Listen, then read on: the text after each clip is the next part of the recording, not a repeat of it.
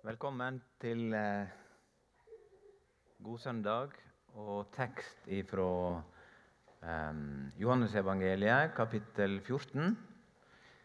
Eh, jeg har tenkt å si noe først. Det er eh, Sentral-Asia som er månedens misjonsland, og vi får en liten film derifra senere i møtet. Men jeg fikk så lyst å lete fram noe som jeg kom over fra Inger Valbø sin eh, sin blogg eh, tidligere i, eh, i, høst.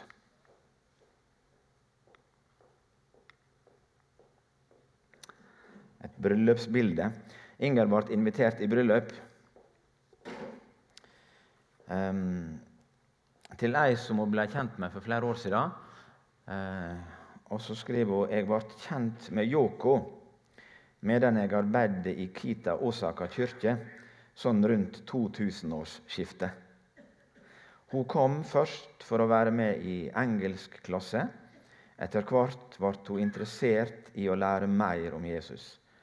Og 14. oktober 2002 ble hun døypt.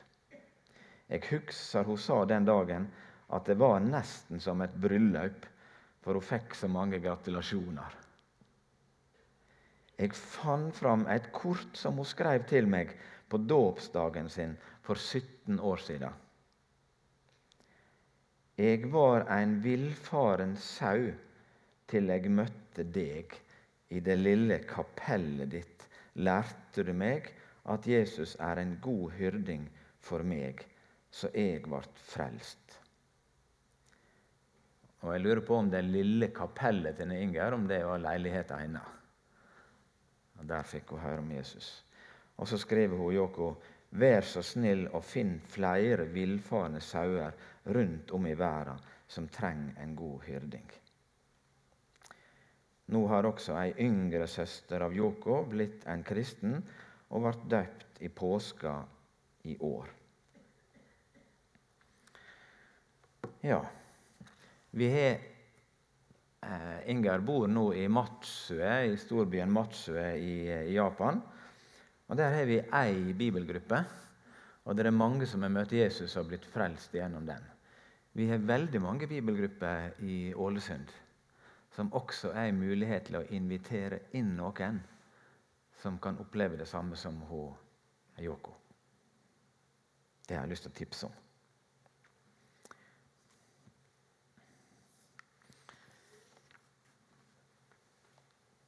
Og så er det tekst fra eh, kapittel 14.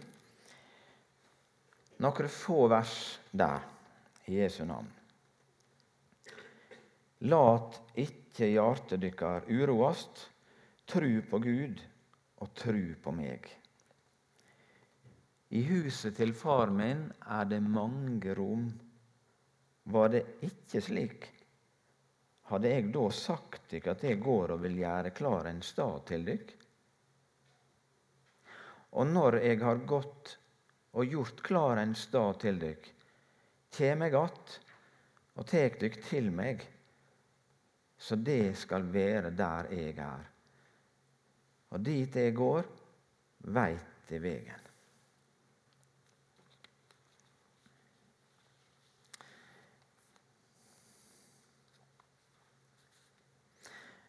Det jeg begynte å tenke på denne gangen, som jeg har lyst til å få sagt noe om, det er at jeg ser at Jesus eh, snakker med læresveinene sine om eh, om den som er aller kjærest for ham. Han snakker med dem om far. Og dere skulle bare visst Jeg tror det er det det er akkurat som det kunne stått innimellom linjene her. Dere skulle bare visst. Og så forteller han dem om huset der hjemme, og om heimlandet. Og hadde dere visst Og jeg tror det er sånn at, at hvis noen her i forsamlinga vår hadde visst hvor uendelig vakkert og stort det er, så, så kunne ikke vi tålt det. Men det er likevel det som ligger der inne mellom linjene. Hadde dere visst for ei glede og forventning om dere hadde visst. Og så tenkte jeg på Det var jo veldig mange her som for her fra Norge. Disse norsk-amerikanerne som bodde borte på prærien i, i Amerika. Når de fortalte båndene sine om heimlandet, for en varme det må ha vært når de satt og fortalte om huset der hjemme, og, og mor og far og, og heimlandet. Og, og, det var en slik varme at endatil bånda og båndebånda og oldebånda deres kan kjenne en slik dragning eh, til dette som de ikke har sett. Så det må være så sterkt. Det var et, eh, et program på, på, eh, på, TV Norge som heter Alt for Norge, der, der slike etterkommere etter disse norskamerikanerne fikk være med og gjøre norske ting.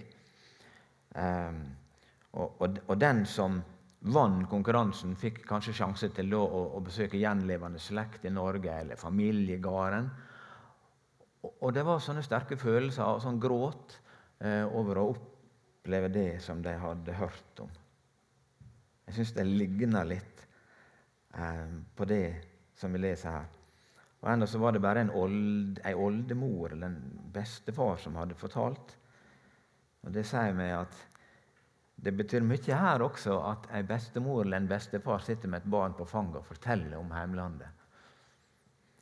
Um, han Pappa han kom fra Nordland, fra Elias Blix sitt land. Han Elias Blix skrev en gang en slik vakker sang som heter 'Barndomsminne fra Nordland'. For det var jo ikke der han fikk bo så mye når han ble voksen. Men, men det skiner sånn gjennom den kjærligheten til heimlandet når han skriver. Og, og i minnesamværet etter pappas gravferd så sang vi eh, denne sangen her. Og jeg veit meg et land langt der oppe mot nord, med ei lysende strand mellom høgfjell og fjord, der jeg gjerne er gjest der mitt hjerte er fest med de fineste band. Og jeg lengter så titt dette landet å sjå, og det dreg meg så blidt når jeg langt er ifrå. Med den vaknande vår vert min saknad så sår at mest gråta jeg kan. Og Jeg syns denne sangen er ikke bare Nordland. Men det er liksom heimlandet. Og så var det det at han pappa fikk liksom gripe handa og heimlandet før han for også. Så da ble det så fint å synge den. Men nå kan jo jeg fortelle dere om Nordland og om pappa sitt land. Eh, men dere skjønner jo ikke hva jeg snakker om. Fordi at dere har ikke sett når kveldssola forgyller Ramskjelltinden. Og dere har ikke sett tunet hjemme på Os. For dere kan ikke forstå det. Men dere aner likevel at det er noe så, så vakkert. Bare la den teksten ligge oppe igjen. Du skulle bare visst Og jeg aner at det er dette som ligger der, disse gangene når Jesus forteller om heimlandet og om far. Men her er en slik herlig forskjell. Og forskjellen på disse her nordamerikanerne som hadde et gulna foto av en, en fattig heimegard. De hadde jo flytta fra svelt i hjel eh, og over til den nye verden. Det er en slik forskjell fordi at vi forteller ikke om et, en drøm om et land som var, om gamlelandet, men vi snakker om et land som venter. Jesus forteller om et virkelig land, et herlig land, som venter som vi skal få se.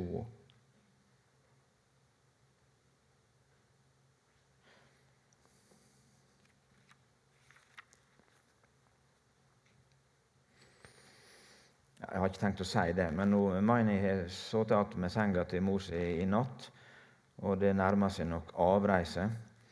Og så lenge stemma har fungert, så har jo mor Ragnhild vitna om Jesus. Så det er heimlandet. Også dette uttrykket. Ser du det? Det står noe om mange rom. I huset til far min er det mange rom. Eh, Jeg tror ikke det betyr at han snakker et, om et internat med, med sånn nummer på dørene.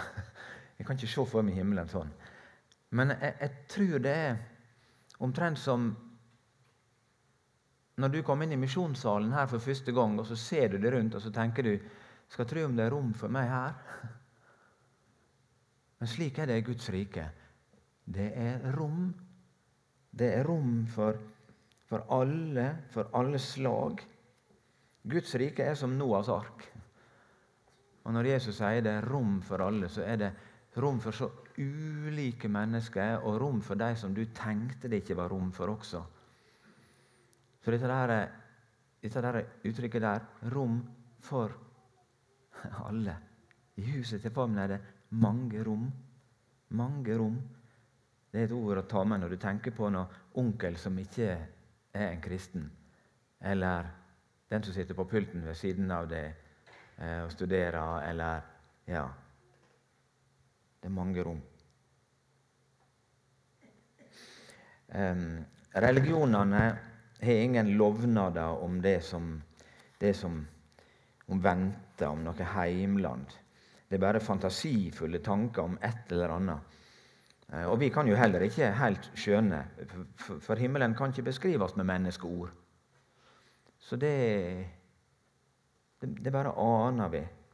Men likevel her er en ting i denne teksten om hjemlandet som vi kan forstå, og som slett ikke fins i, eh, i religionene.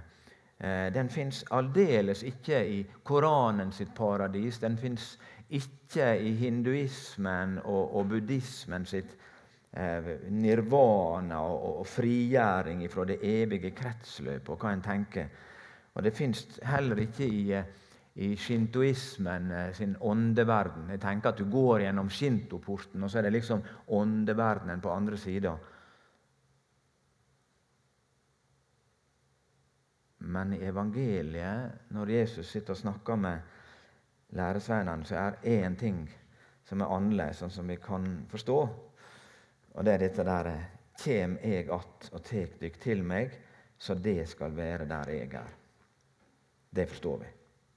Himmelen, det er at Han tar oss til seg, og vi får være der Han er. Og så Alt dette hit, det får ikke være så farlig med å forstå her men du får være der Jesus er. Det står ved lag.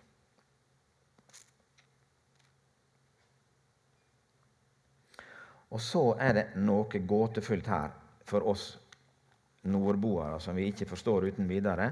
Og det hadde jeg lyst til å prøve å si litt om, fordi at det er bakgrunnen for det som Jesus snakka om. Og det var litt av grunnen til at jeg hadde bilde av en Inger Eh, og hun som ble en kristen, og om bryllupet.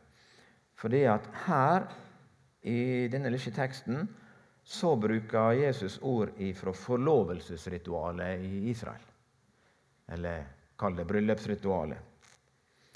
Og Disse ordene som blir sagt, det ligner sånn på ordene som brudgommen sier til bruda eh, under forlovelsen. Når, når det står eh, 'går for å gjøre i, klar en stad, så sier brudgommen akkurat det til bruda, at 'nå går jeg for å gjøre klar der vi skal bo'. Det blir sagt under forlovelsesritualet. Jeg går for å gjøre klar en stad der vi skal bo. Derfor så prøver jeg å si litt om det. For eh, Vi vet kanskje at forloving, sånn som det var den gangen i Israel, det var en juridisk pakt. Det var ikke som vår forlovelse, som er mer sånn privat. Eh, det var en pakt, så skulle en bryte den forlovelsen, så måtte en eh, ha skilsmissebrev. Det passer med det som, eh, som, står i den nyeste bibelen eh, i juleevangeliet, at Maria var lova bort til Josef. Det var ei, ei juridisk bindende pakt. Så Derfor så lette jeg opp et bilde fra eh, denne filmen 'Veien til Betlehem', den må dere se nå i adventstida. 'Veien til Betlehem'. Den er fin. Og Dette her er fra den gangen når Maria blir lova bort til Josef. Og Ser du, Mari, ser du eh, Marias mor til venstre, så er det Maria, så er det Josef. Eh, og så er det far til Maria som står helt til høyre, og så er det foreldra til Josef antageligvis i, i, bakgrunnen.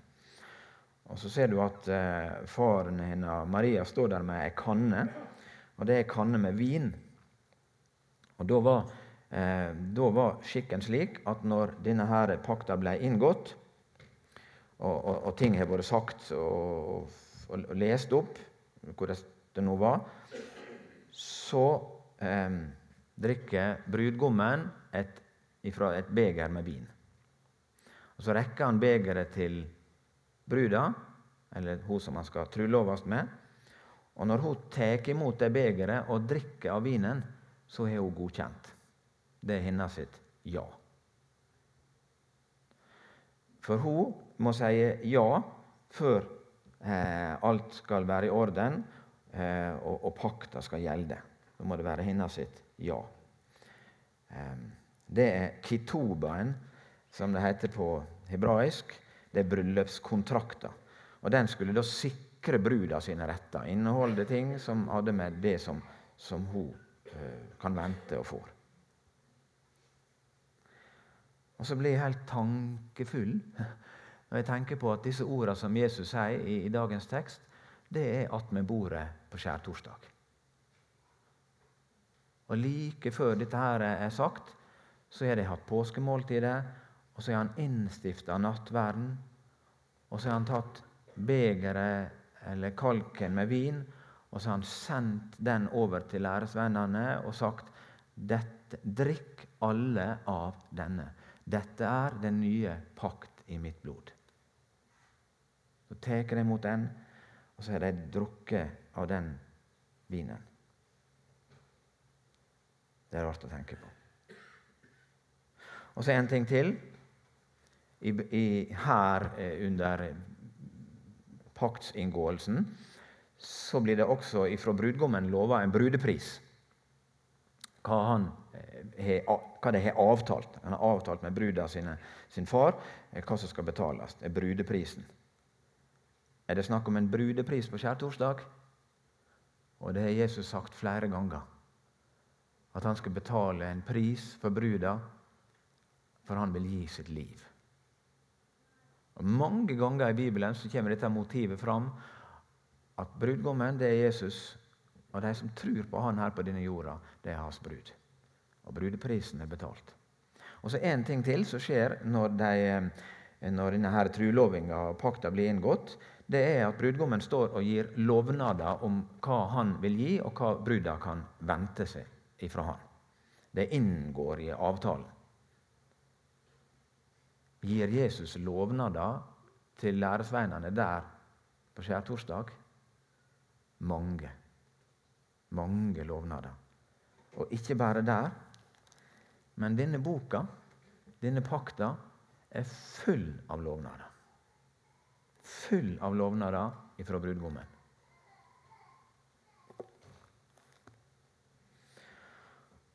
Og Når jeg sitter der og leser og tenker på dette, her, så tenker jeg tilbake til undervisningsbygget på Ørlandet.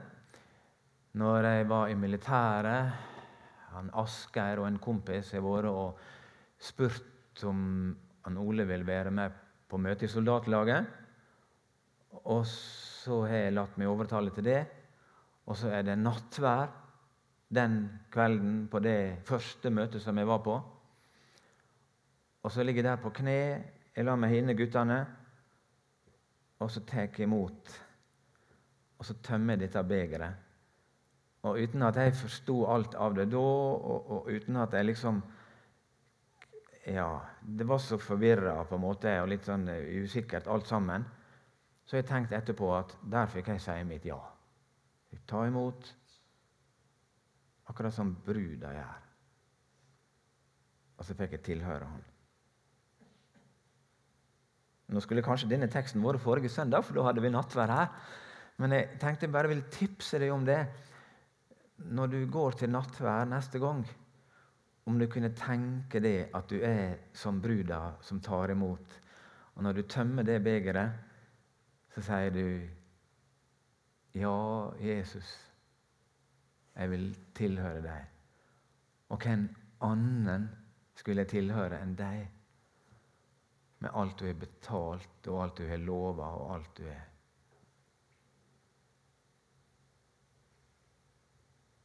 Men så er det forlovingstid for de to. Og da sier altså brudgommen at 'jeg går bort for å gjøre i stand en stad åt oss'. Og når jeg har gjort i stand en stad åt oss, så kommer jeg igjen og henter det. Da skulle han komme tilbake og hente bruda. Og Det er mange finurlige detaljer i denne her eh, greia i Israel. F.eks. det at i denne forlovingstida, eller trulovingstida så, så drakk ikke brudgommen vin. Og så kommer vi på at der ved bordet på skjærtorsdag så sier Jesus fra nå av skal jeg ikke drikke av frukta fra vintreet før den dagen jeg drikker henne ny med dykk i Fars rike. Se hvor det henger sammen. Det er ventetid på at han skal komme igjen. Og bruda for sin del i denne trulovingstida hun, Når hun var ute blant folk, så gikk hun med slør for å vise alle at hun hadde sagt et ja til han. Det skulle være kjent for alle. Og vise alle at dere har betalt en pris for meg. Det vil vi også vise for andre. At jeg har sagt ja til henne, og at dere har betalt en pris for meg. Og så var det sånn at De flytta ikke sammen eh, før den tida var over. Og De så faktisk ikke hverandre heller. Jeg vet ikke hvor eh, strenge de var på det. Men det var slik at, at For han var opptatt med denne plassen han skulle gjøre klar, og så så ikke de hverandre. Men det var en slik forventning til da, når den dagen skulle komme. Og den dagen skulle komme om et år. Det var ett år sånn cirka dette her skulle ta før, før bryllupet, og før han kom og, og, og skulle hente. Det var et veldig spesielt år for bruda også. Ehm, du vet, Vår ventetid til han kommer igjen, den er jo mer enn et år. Det har tatt lang tid. Men likevel, tenk at Bibelen kaller faktisk den ventetida fram til brudgommen kommer. Den kaller Bibelen for et år. Det blir sagt i Det gamle testamentet, i Jesaja-boka, og Jesus sto en gang i, i synagoga og, og las opp akkurat den teksten. Og så sa han det at dette blir oppfylt framfor øynene deres nå. Og Da sier han det er fra Jesaja 61. Herren Guds ande er over meg, for Herren har salva meg han har sendt meg for å forkynne en god budskap for hjelpeløse, for å forbinde de som har et knust hjerte, og rope ut fridom for de som er i fangenskap, og frigjøring for de som er bundne, for å rope ut et nådens år fra Herren. Det er den tida ifra han var her på jord, og til han kommer igjen for å hente sin brud det er nådens år. Vi skal ikke presse alt inn i dette bryllupsbildet i Israel. For her er det jo slik at nådens år er, det, er denne tida når budskapet om hans frelse når ut. Og så vinner han si brud med alle de som får si ja, mens det enda er nådens år.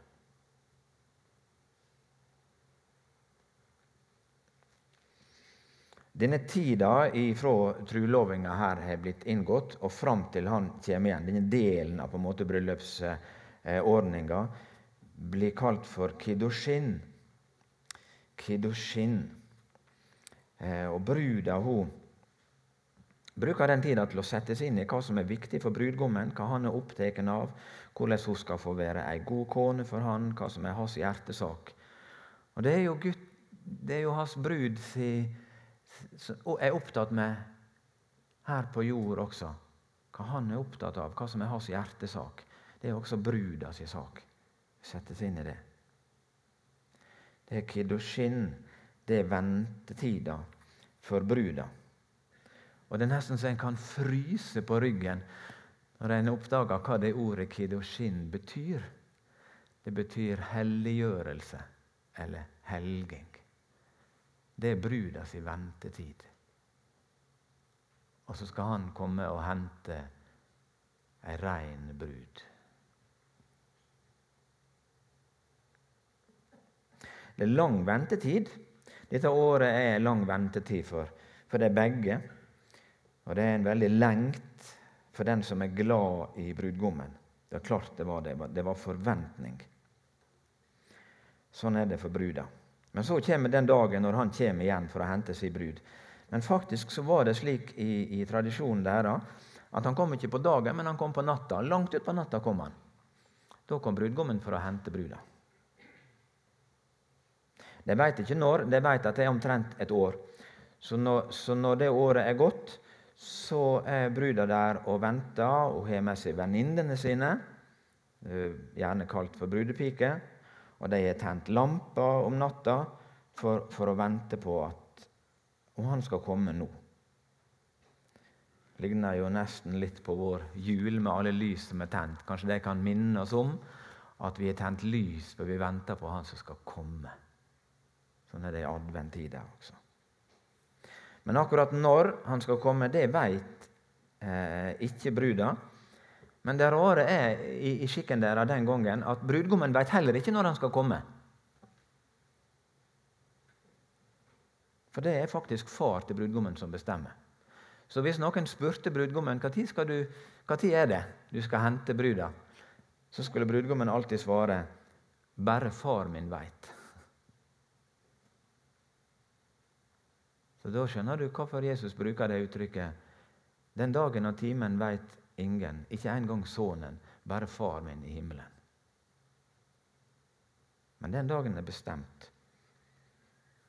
Og bruda aner at det nærmer seg. Og når brudgommen kom, så lyder et rop 'Brudgommen kjem!' Og Derfor så hadde vi den teksten som ble lest nå eh, før jeg gikk opp. Fra Matteus 25 om bruda og venninnene som er samla og venter på at brudgommen skal komme. Og så, er det tent lamper, og så viser det seg for det ene at det går lang tid, så de sovner. Men det er likevel noen som er klar, og noen som ikke er klar når han kommer igjen. For det er noen som ikke har tatt med seg olje. Det er jo veldig merkelig. Men det må jo bety at de egentlig ikke venter at han skal komme. Ellers ville de jo hatt med olje. Så De har jo hørt om dette her, og sånn, men noe, han kommer sikkert ikke nå. Slik forteller Jesus om dette for å vise oss at det er akkurat slik det skal være når den natta eller dagen nærmer seg at han kommer igjen. Så er det så mange som er bare med i lag med de andre. Ikke noen som kan se forskjell. Det er bare med i lag med de andre. Og når ropet lyder, og alle skal høre det ropet når Jesus kommer igjen Brudgommen kommer. Så viser det seg at det var noen som var bare med. Men oljen, lyset, livet, det var ikke der. Og Da kommer ikke han som brudgom, da kommer han som en tjuv om natta.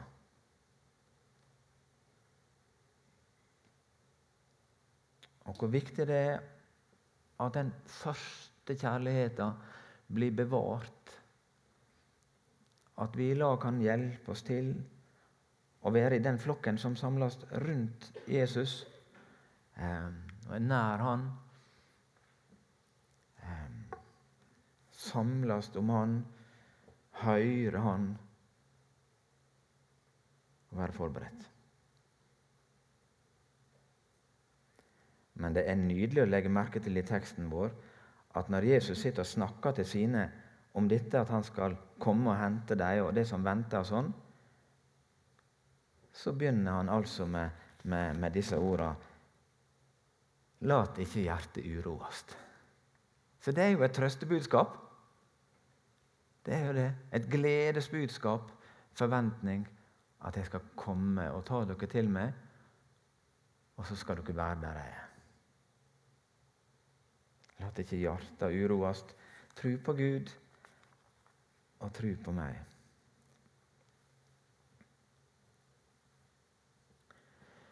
Du er innbudt til bryllup i himmelen.